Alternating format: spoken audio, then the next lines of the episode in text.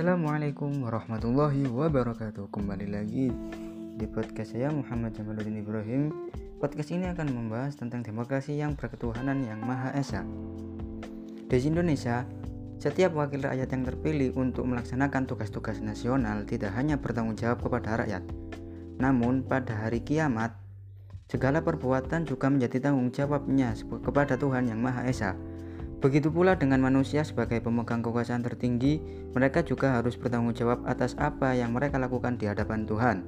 Oleh karena itu, dalam melaksanakan demokrasi antara pemerintah dan rakyat juga harus disadari bahwa hukum yang berlaku tidak hanya hukum buatan manusia, tetapi juga hukum Tuhan atau hukum Islam.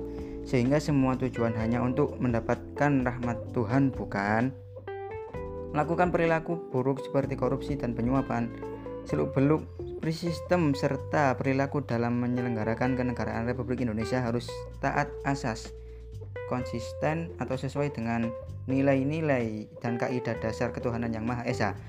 Contohnya, mengembangkan sifat hormat, menghormati dan bekerja sama antara pemeluk agama dan penganut kepercayaan yang berbeda-beda dengan berpedoman kepada prinsip ketuhanan yang Maha Esa. Sekian podcast saya kali ini. Wassalamualaikum warahmatullahi wabarakatuh.